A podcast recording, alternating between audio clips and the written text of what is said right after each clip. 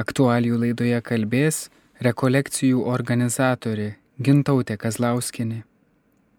Garbėjai Kristui, brangus Marijos vaikai, mėlyjeji Marijos radio klausytojai. Šiandien yra pats vidurvasaris. Atostogų, poilsio, kelionių metas. Ir turbūt puikia proga pakalbėti apie dvasinio atsinaujinimo, atsigavimo, poilsio būdą ir laiką rekolekcijas. Daugumai iš mūsų turbūt šitas žodis tikrai yra girdėtas, dalyvauta ne vienose rekolekcijose, jų tikrai yra įvairaus pobūdžio, trukmės, vietos.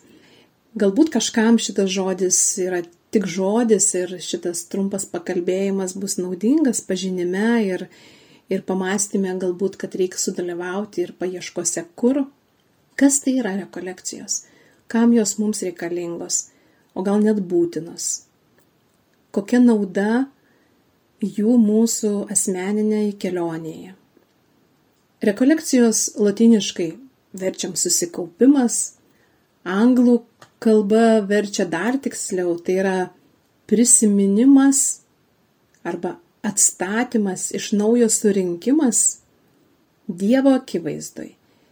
Nes būtent šitas laikas yra Dievui skirtas laikas. Kitaip sakant, kairos. Kairos, kuris reiškia tinkamas laikas arba proga. Ir šventajame rašte tai yra dažniausiai vadinamas malonės laiku ir kaip laikas ieškoti viešpaties. Ir jeigu atsiverstumėm Bibliją, ne vienoje vietoje rastumėm, kalbant apie laiką ieškoti Dievo. Morkaus Evangelijos pirmos skyriaus 15 eilutėje teigiama, kad atėjo metas, tai yra kairos ir prisertino Dievo karalystė, netidėliotinio apsisprendimo laikas, kai reikia atsiversti ir įtikėti. Luko Evangelijos 12 skyriui 56 eilutė Jėzus net barą minė, kad ji nemoka įvertinti kairos, tai yra šio laiko prasmės. Taigi Tai yra be galo svarbus laikas, kai mes atitrūkę iš savo aplinkos, savo gyvenimo, savo rūpeščių, savaitgali, kelias dienas, galbūt net ilgiau, yra rekolekcijos, kuris trunka savaitę ar dešimt dienų, mes skiriame savęs surinkimo, savęs suderinimo naujai Dievo akivaizdoje. Būtent tuo met mes prisimenam, kas mes iš tikrųjų esame. Tarytum nuo mūsų tikrojo to Dievo vaiko paveikslo nuplaunamus dulkes, kasdienybės dulkes, rūpeščių dulkes. Yra gydomi mūsų sužeidimai. Šventosios dvasios, kuri yra pagrindinė rekolekcijų vedėja visada, visose rekolekcijose, pagalba mes galime prisiminti, atgaivinti, net atrasti galbūt, kas mes iš tikrųjų esame ir tokiam atnaujintam pavydale atsišviežinę, nusiplovę, nusiskaistinę, mes vėl grįžtame į savo gyvenimą su naujom užduotim, galbūt su prisimintom užduotim. Ir tai yra Dievo laikas, kuriame mes laikas nuo laiko turime būtinai pabūti, kad tiesiog žinotumėm, kaip toliau turime gyventi ir kad visa tai, ką sako Koheleto knygos autorius, kad viskas rūkų rūkas, tai būtent rekolekcijų laikas yra toji šviesa, kuri prablaško, prasklaido tą rūką, kad mes galėtumėm išvelgti tikruosius savo gyvenimo kontūrus. Rekolekcijos yra labai įvairios. Yra asmeninės rekolekcijos, yra grupinės, kuomet grupėje mes patiriame tos bendrystės dovaną, gauname ir galime pasidalinti, gauti atsakymus, klausantis kitų dalyvių liūdėjimų. Ir tos e, grupės rekolekcijos, kurios e, be abejo dažniausiai jos vyksta prieš turbūt didžiausias mūsų katalikų šventes, tai prieš Kalėdas, e, tai yra Advento laikė ir gavėnios prieš Velykas. Ir kaip minėjau, jos įvairios trukmės, dažniausiai tos turbūt standartinės, dažniausiai yra savaitgalinės, kuomet prasideda penktadienio pavakarį ir baigėsi sekmadienį apie pietus. Kitos trunkančios savaitę, dešimt dienų, net keletą savaičių. Visos rekolekcijos dažniausiai vykstančios bažnyčioje, vienuolynė, rekolekcijų namuose yra kelionių rekolekcijos, turbūt irgi esat girdėję apie kaip kelionė į Medžiugorį, kitas šventas vietas Izraelį, Marijos apsireiškimo vietas, taip išgyvenant, kel... derinant su kelionės įspūdžiais, prisilečiant prie kūrinijos grožio. Kiekvienoms rekolekcijoms vadovauja dvasios vadovas, dvasininkas, vienuolis, pasaulietis ir be abejo rekolekcijos šis tai yra tema. Viena ar kita dvasinė tema, kuri yra aktuali, reikalinga ir žmonės renkasi pagal tą temą, e, jausdami, atrasdami, kas jam asmeniškai yra reikalinga tame gyvenimo periode. Taigi vadovas, ir kaip minėjau, kad pagrindinė vadovė tai yra šventoji dvasia, ir turbūt ne veltui iki rekolekcijų va, ta surinkta grupė dažnai meldžiasi, prašydami šventos dvasios vedimo ir tai yra turbūt pats puikiausias variantas. Kas įdomu, kad rekolekcijų ištakomis yra laikomas Jėzaus Kristaus pasitraukimas į dykumą prieš viešą veiklą. Ir tai galim skaityti trijose evangelijose, Mato, Morkus ir Luko evangelijose visose prašyta apie Jėzaus buvimą dikumoje, apie jo gundimą tenai ir visą tą laiką, po kurio, kaip žinome, ir prasidėjo jo viešoji mesijinė veikla. Ankstyvoje krikščionybei vienu iš žymiausių dvasinių pratybų vienumoje pradininkų yra laikomas šventasis Benediktas ir jis paliko parašytą regulą, kur daug dėmesio skiriama vienuolių dvasiniam gyvenimui, pabrėžiama vadovo svarba ir jo patarimų būtinybė. Kiek vėliau benediktinų rekolekcijose nusistovėjo lektijo divina, tai yra arba dvasinis skaitimas, religinių tekstų apmąstymas, bendruomeninė valandų liturgija, tylos laikymasis ir visa tai turėjo įtakos tolesniai rekolekcijų raidai. Dar vėliau daug prisidėjo prie rekolekcijų šventasis Pranciškus Asižėtis, šventoji Teresė Vilietė ir šventas kryžiaus Jonas. Jų dvasiniam gyvenime svarbiausia dalį sudarė kontemplatyvi malda, krikščioniškojo dvasinio tobulumo siekimas, sielos apsivalimas ir tai paskatino susiformuoti kontemplatyvioms rekolekcijoms. Taigi galime išskirti tas, tarytum, dvi kryptis, tai tos e, aktyviosios rekolekcijos ir kontemplatyvios, bet be abejo vis tiek jų, jų esmė, kad mes dalyvaudami juose ieškome savo gyvenime Jėzus Kristaus artumo, jo šviesos ir jo tiesos savo žingsniams, savo žodžiams, savo darbams.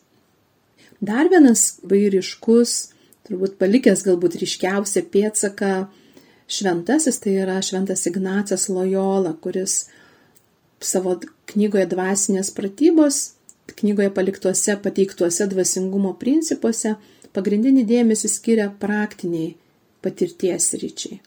Tokio pobūdžio rekolekcijos itin paplito Ispanijoje vėliau visoje Europoje ir turėjo didelės reikšmės visai rekolekcijų raidai ir plėtrai. Lietuvoje tos turbūt aktyviosios rekolekcijos, sakykime, jų tas pakankamai gausus pasirinkimas, pasiūla yra paskutiniai dešimtmečiai. Tai, kad įtaką rekolekcijoms padarė, vat, minėti šventieji, taip, tai Tai nereiškia, kad tai yra skirta tik tai pašvestojo gyvenimo žmonėms. Tai yra skirta mums visiems. Ir galbūt net dar daugiau mums pasauliečiams, kurie gyvenam pasaulyje, dalyvaujame visose savo šeimos, darbo, bendruomeniniuose rūpeščiuose, darbuose, veiklose. Būtent mums yra tas poreikis laikas nuo laiko atsitraukti, pabėgti į tą vadinamą dykumą sekant savo mokytoju Jėzumi Kristumi, žvelgiant tai, ką darė jisai, kad galėtumėm išgirsti jo žodį, kad galėtumėm nurimę pamatyti, ko reikia atsisakyti, ką reikia atnaujinti, ką reikia pakeisti. Ir labai įdomu, turbūt ir simboliška, kad šiandien Liepo 16 dieną, kai daroma šitas įrašas, yra minima Karmelio švenčiausia mergelė Marija. Ir Karmelio kalnas toksai mistinis kalnas ir realus kalnas yra tarytum tas ženklas šioj dienoj, kalbant apie rekolekcijas. Ir žinome karmelitų dvasingumą ir tuos didžiuosius šventuosius, va, apie kuriuos irgi aš kalbėjau.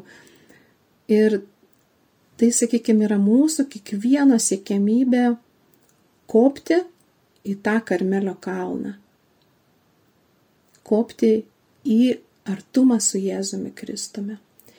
Ir kaip žinome, kad Marija yra tarytum stovinti ir pasitinkanti mus visus Karmelio kalno papėdėje. Apkabinanti, paimanti už rankos ir vedanti. Tai tikrai džiugu, kad tokią dieną galim kalbėti apie rekolekcijas, kurios kiekvienas yra simbolinis kopimas į tą Karmelio kalną ir artėjimas prie tiesos ir šviesos šaltinio. Taigi, rekolekcijos, kurios e, yra naudingos, reikalingos ir būtinos mums visiems, kairos laikas, kvietimas pabėgti iš to chronos laiko, iš tos tekmės, to pilno gyvenimo, pasaulio laiko. Ir dabar norėčiau pereiti prie konkrečių rekolekcijų, papasakoti truputėlį jums apie savo rekolekcijas, kurias vedu jau ketvirti metai. Ir tikiu, kad šventoji dvasia, kaip ir minėjau, toji, kuri yra pagrindinė visų, visų rekolekcijų vedlė, vadovė, prieš tai kvėpėja. Taip pat buvo ir mano keli, toji, kuri paragino, paskatino studijų laikę. Aš studijavau dvasinio konsultavimo ir asistavimo specialybę Klaipados universitete, Švento Jono Pauliaus antrojo krikščioniškųjų studijų centre nuostabios studijos, kurių vaisius ir buvo pirmosios rekolekcijos Sveika Marija, kurios parašytos, parengtos remiantis septyniais Marijos žodžiais, kurie yra palikti mums šventajame rašte, septyni jos kalbėjimai, kaip, kaip septyni šuliniai, septyni etapai, kuriais mes keliaujame rekolekcijų laikę. Ir tokiu būdu pažindami šitą paslaptingąją moterį, žmogų, kurios iščios tapo buveinė tuo indu, kuriame Dievas įgavo žmogystę, įgavo žmogišką apvalkalą kūną. Sekančios rekolekcijos po sveika Marija tai buvo ir kurias aš vedu, yra žmona pagal Dievo žvilgsnį. Nes Marija irgi buvo žmona, ji buvo Šventojo Juozapo sutuoktinė, tobuliausiųjų sutoktinė visame pasaulyje, visų amžių moterų tarpe. Tos rekolekcijos moteriams, tikrai turinčios didelį atliepą ir poreikį, vyksta laikas nuo laiko, periodiškai ir šventoji dvasia surenka vis naują, naują pulkelį moterų, esančių, būsimų, net buvusių sutoktinių žmonų, kurios atverdamos, atnaujindamos savo širdį per šventajam rašte paliktus Dievo žodžius žmonai, bando atnaujinti, leidžia šventai dvasiai atnaujinti savo santoką ir net nedalyvaujant vyrams keičiasi vyrų širdis ir be abejo jų bendras gyvenimas. Ir kaip žinome, kad didysis priešo polimas vyksta prieš santoką, prieš šeimą, tai tikiu, kad tai tikrai yra aktualios rekolekcijos ir reikalingos ir naudingos. Sekančios rekolekcijos, apie kurias aš pakalbėsiu plačiau truputėlį vėliau, norėdama jūs pakviesti, tai yra Marija Kastu.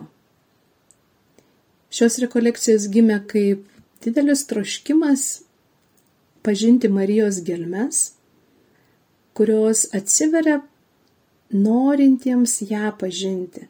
Nes jeigu mes vartysim šventą raštą, mes apie ją rasim labai labai mažai informacijos. jie yra tarytum šešėlėje, tarytum Dievo paslėpta ir net neduodama tam tokiam viešam tyrinėjimui, gilinimuisi, pažįstama ir atrakinama kaip lobis skrinė tiems, kurie širdimi jos ieško. Ir štai tuomet atsiveria tikrai begalinės Marijos gelmes. Rekolekcijos Marija, kas tu, yra gimusios remiantis mūsų vieno žymiausių lietuvių tautos minties galiūnų, filosofų Antano Maceinos išvalgomis, paliktų, drįstų teikti lobynų apie Mariją. Dar vienos rekolekcijos, vėlgi gimusios, susidėliojusios, taip atsiradusios iš tokio raginimo, yra septyni paskutiniai Jėzaus žodžiai ir jos gimė ir startavo šitoje gavėnėje prieš šventas Velykas, kaip troškimas ir suvokimas, kad tie paskutiniai Jėzaus žodžiai jau jam kabant ant kryžiaus po visos didžiulės kančios kelionės, toj viršūniai, kančios viršūniai, ištarti septyni žodžiai, septyni tie kalbėjimai yra patys svarbiausi iš visų jo kalbėjimų.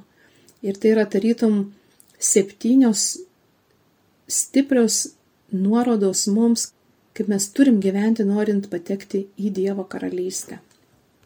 Taigi, ketverios rekolekcijos, kurios vyksta nuolat, periodiškai, laikas nuo laiko, kaip didelė padėka Dievui už tai, kad turiu tikėjimo dovaną, turiu tikėjimo malonę, kuri yra visiškai viešpatės dovanota ir mano pačios nuopelnų čia nėra. Tai klausau, sakau savuosius taip Dievui, darau, ką tik jisai liepia.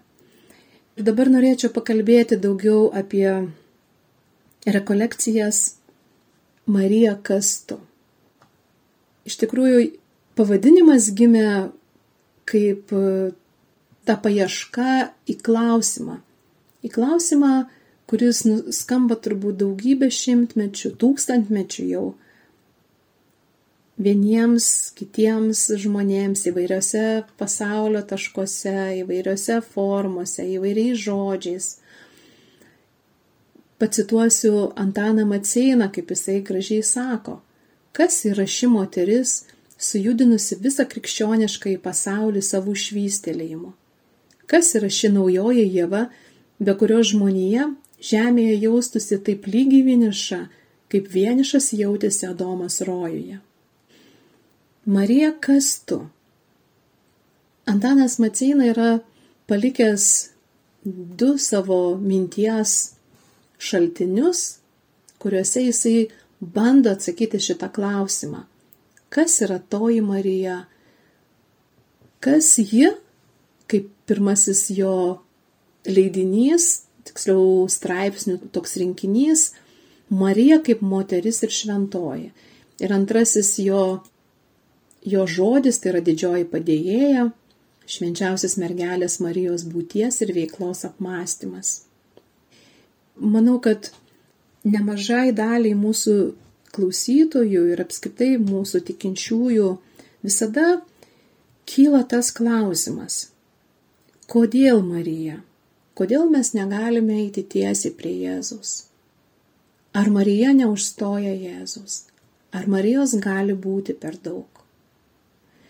Tai aš manau, kad ir tikiu, kad šitos rekolekcijos yra, yra vieta ir laikas, kuriame mes ir gauname šituos atsakymus. Ar Marijos gali būti per daug? Marija - Dievo motina. Toji, kuri buvo tiltų tomis durimis ateiti išganimui, atpirkimui, žmonijos išgelbėtojui.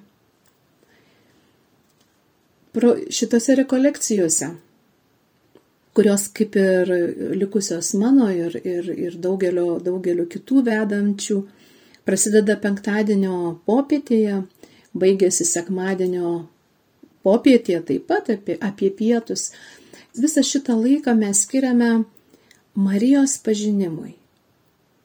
Ir kiekvienas Marijos pažinimas mus veda į Kristaus pažinimą. Nes Marija turi vieną vienintelį tikslą, troškimą, užduoti. Jos paskirtis yra kiekvieną žemės vaiką atvesti pas savo sūnų. Ir jinai neturi jokio kito ketinimo. Jos misija, jos paskirtis, jos užduotis ir tai, ką ji dabar daro, būdama visoje galybėje, savo sunaus akivaizdoje, danguje, paimta kūnų ir siela, tai yra jos karalienės veikla ir ką jinai liūdė per jau patvirtintus apreiškimus ir asmeninius apreiškimus, yra vienintelis troškimas, kad visi žemės vaikai atsisuktų, ateitų ir susitiktų jos sūnų Jėzų Kristų.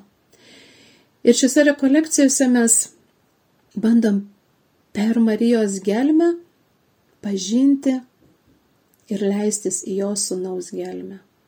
Trumpai pristatysiu programą, šitų rekolekcijų programą, kadangi jos vyks ateinantį savaitgalį Liepos 22-24 dieną Kaune, kunigų seminarijoje ir tai yra neilgas laikas iki jų ir galbūt kažkas dar susidomės ir pajausite raginimą, kvietimą, troškimą pažinti Marijos gelmes per mūsų lietuvišką mintį, mūsų lietuviškame mentalitete, kaip aš sakau, minties tam genofonde, neverstiniam, ne kito krašto, bet mūsų žemės žmogaus, paliktos minties begaliniai gelmiai.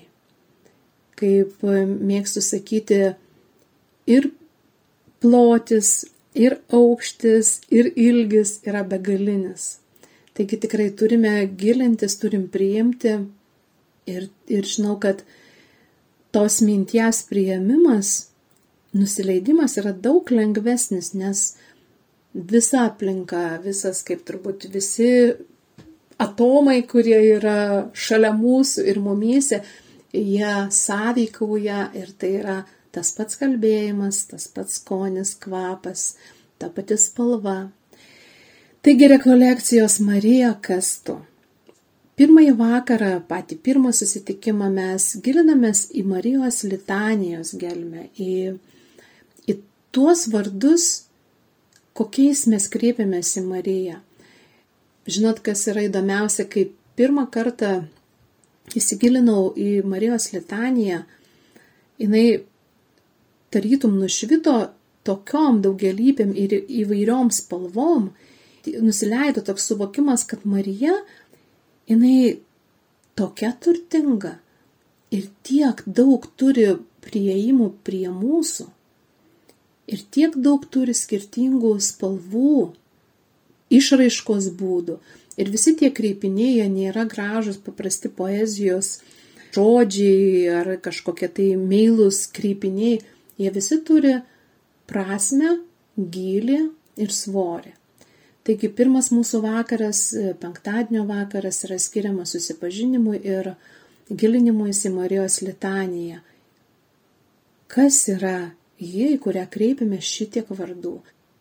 gilinantis atsiskleidžia Senojo testamento grožis, kuomet Marija, kurios dar nebuvo, jau skamba tame Senojo testamento žmonių tikėjimo simboliuose, kuriuos galime atrakinti mes, tie atpirktieji, atpirktosios žmonijos vaikai. Šeštadienį ir sekmadienį mūsų laukiantys šeši mokymai yra tarytum leidimasis į tokias paslaptingas karališkas menes, nes, kaip žinom, Marija, dangaus ir žemės karalienė ir visa, kas su jie susiję, vyksta karališkai. Tikrai apie tai galėtumėm liūdyti daugas, kad Marijos apkabinimas, vyksmas, visa tai, ką ji daro mūsų gyvenimuose, kaip ėjimas su ją pasikeičia ir viskas kvepia karališkumu, prabanga, tokia dangaus prabanga. Taigi paminėsiu temas, kokios mūsų laukia šitose mokymuose ir visos šitos temos yra paremtos mūsų, kaip minėjau, filosofo Antano Maceinos įžvalgomis, net, sakykime, pranašystės dvasioje parašytais, parašytais žodžiais, mintimis. Taigi, Marija ir liturgija.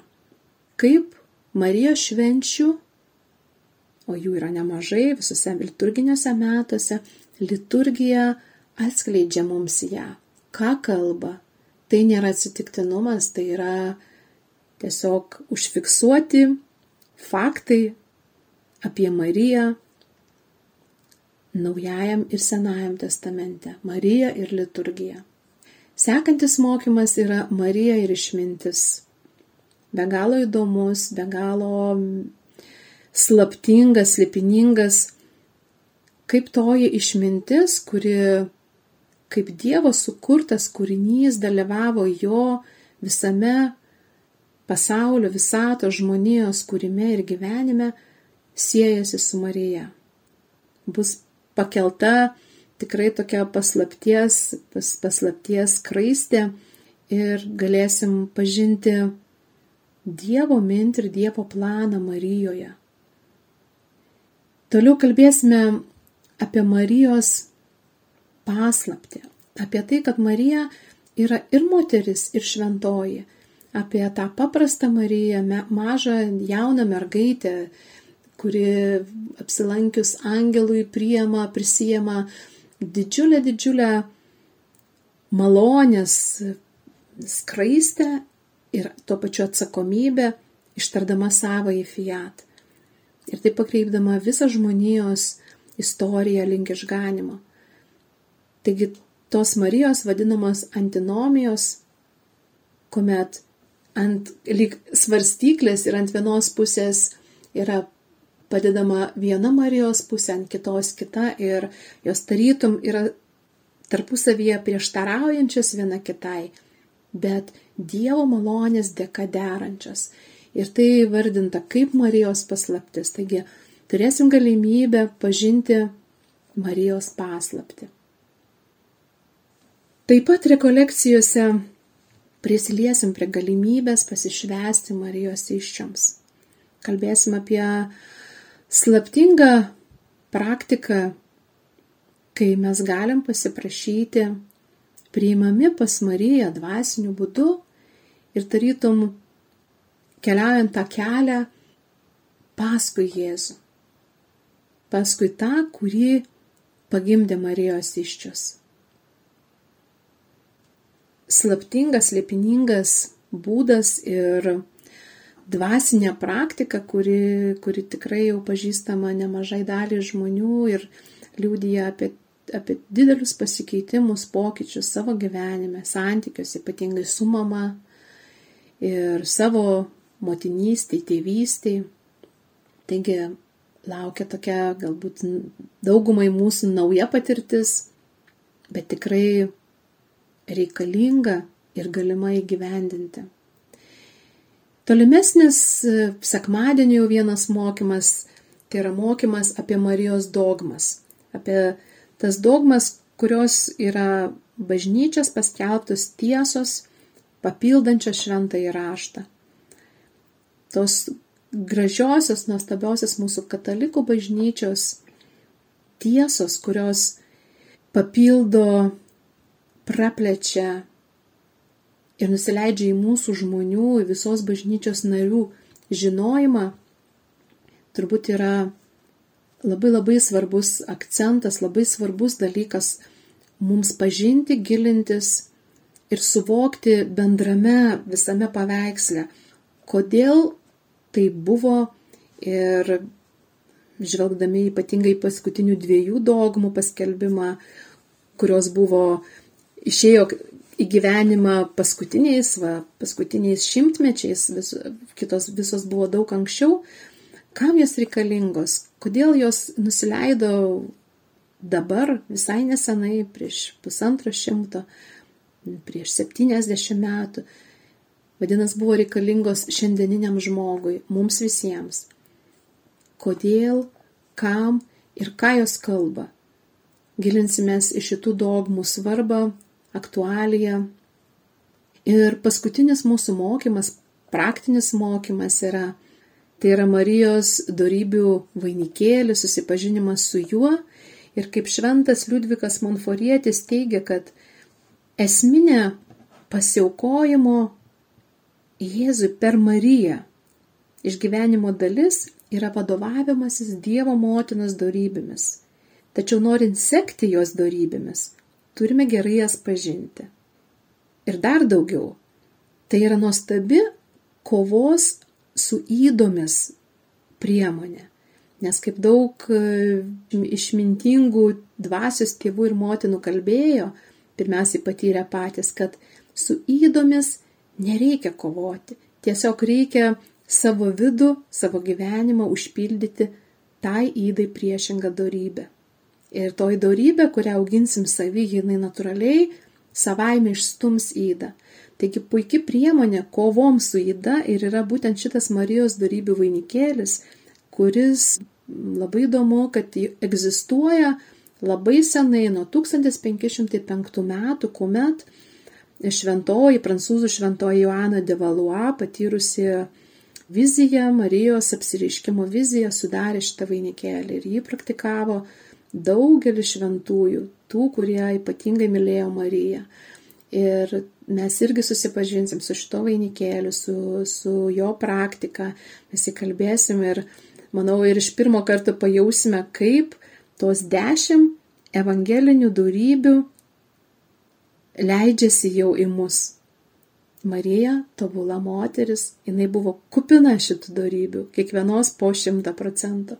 Taigi laukia mūsų praktika, praktinė dalis. Tai tokia mūsų būsimų rekolekcijų eiga. Vėl priminsiu, kad šios rekolekcijos vyks Liepos 22-24 dieną Kauno kunigų seminarijoje, nuostabioji dvasiniai oazė pačiame Kauno centre, Kauno širdį. Yra dar vietų, kviečiu registruotis, dalyvauti.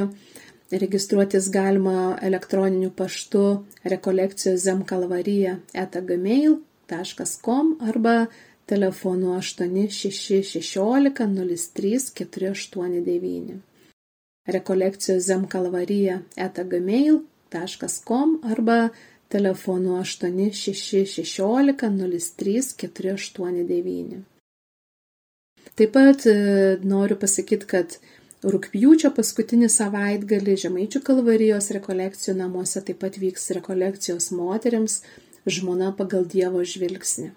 Visas kitas mano vedamas rekolekcijas galite rasti Žemaičių kalvarijos rekolekcijų namų internetiniam puslapyje, Facebook'o puslapyje taip pat Marijos vaikų uždaroje Facebook'o grupėje, į kurią irgi kviečiu jungtis, į tą bendrystę, kur šioje grupėje taipogi mes labai gražiai augame, visi apsigobė Marijos apseustų. Ir tai yra tikrai malonės laikas, kuomet pasaulis aplinkui greudėja, tamsa tirštėja, kova aštrėja. Tai su dideliu linkėjimu mėgaujantis vasaros malonumais, kad ir lietingos vasaros, bet ir saulės pakankamai. Ir kiek e, rodė sinoptiniai duomenys, rūpjūtis laukia karštas, tai manau tikrai mes prisikaupsim, bet taip pat atverti savo širdis sielos kelioniai. Ne vien kelioniam prie jūros ar į kažkokias kitas gražias pasaulio vietas, bet į turbūt pačią svarbiausią kelionę į kopimą į Karmelio kalną, lydint Dievo motinai, atsirimiant į ją, kai sunku, pasislepiant po jos apseustų, kai baisu, kai išgastis, kai neramu. Keliauti leisis į šitą kelionę, kuri, kuri truks iki gyvenimo pabaigos. Bet mes turime kopti, mes turime eiti, mes turime pakilti nuo sofutės, kaip kviečia popiežius Pranciškus.